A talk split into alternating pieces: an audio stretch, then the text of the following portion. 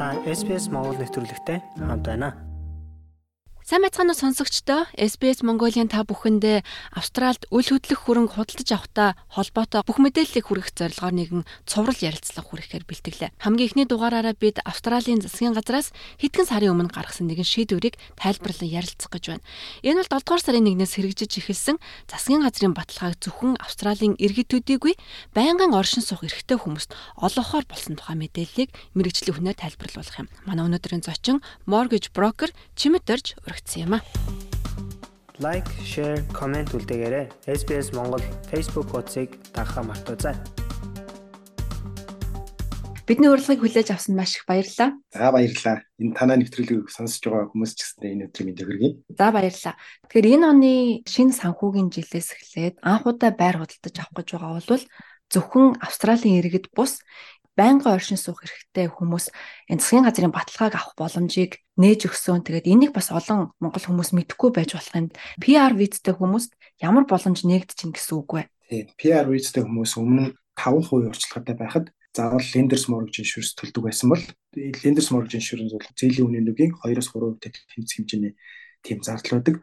Тэгэхээр энэ зардлыг хэмнээд засгийн газраас л энэ төлбөрийг хэрэгжүүлсэн байгаа. А тэгэхээр зэрэг PR-тай хүмүүс 5% урьдчилгаатайгаар одоо байрны зээл авах боломжтой. Тэдгээр хүмүүс бол лендерс моргэж иншүрэнс төлөх шаардлагагүй гэсэн. Энэ зээлийг авахд нэгдүгээр 18 нас хүрсэн байх хэвээр PR муу citizen байх хэвээр тий. А тэгээд нэг хүний орлого одоо single байх юм бол тий 125 сая доллараас хэтэрч болохгүй.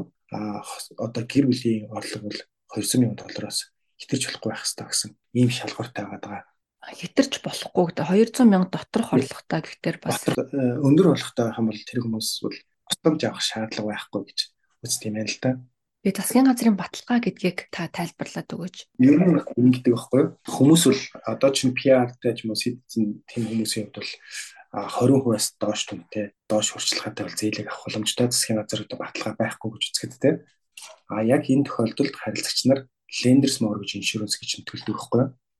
За lenders mortgage insurance гэж юу вэ гэхэд а энэ болохоор зэрэг нэг харилцагч 20-с бага одоо хурцлагатай байгаа үед хөндлөнгийн нөөд нэг одоо mortgage insurance гаргаж өгдөг газраас үлдсэн 15% дээрээ одоо үндсэндээ даатгал хийлгээд те банк бол зөвхөн дангаараа тэрэнд оролцдог 3 дахь читгээд буюу те даатгал үзүүлдэг Genwort гэдэг те иймэрхүү нөөд хөндлөнгийн байгууллагуудаас ингээд оролцоод тэгээд тэрний премиум гэдэг хүмүүс одоо зээлийн үнийн дүнгийн 2-3% тэмцэх хэмжээний тийм lenders mortgage insurance төлдөг байхгүй юу А тэнгууд энэ нь болохоор зэрэг анхны байраа авч байгаа хүмүүст бол нэлээд тийм том дарамт болдог.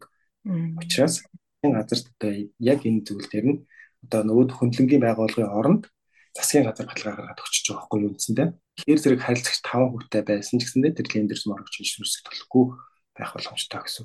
А засгийн газрын зүгээс энэ жилийн хувьд 30 мянган хүнд тийм одоо лимит гаргаж гисэн байгаа. Өнгөрсөн жил 30 мянга тэрний өмнөх жил 10 мянгаыг гаргаж ирсэн. Тэгэхээр зэрэг эдгээр нь болохоор зэрэг иргэдтэй болон PR-тай хүмүүстэй одоо боломжийг олгоод орон сууцтай болгоё гэсэн тийм нэг хөтөлбөр байгаа.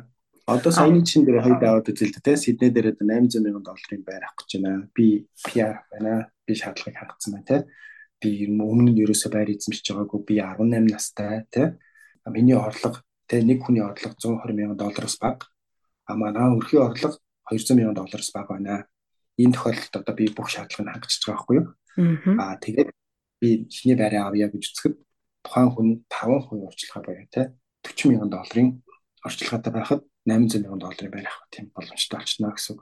Үүний хувьд ч гэсэндээ банкуудын нөгөө нэг бага орчилгаатай үед бол ихэнхдээ банкуудын хүн өсчдөг. Аа гэхдээ засгийн газрын баталгаа нь одоо үлцэн 15% дээр ороод ирж байгаа учраас энэ тохиолдолд бол харилцагч яг л банкуудын одоо олгож байгаа хамгийн боломжтой хөг авах боломжтой гэсэн.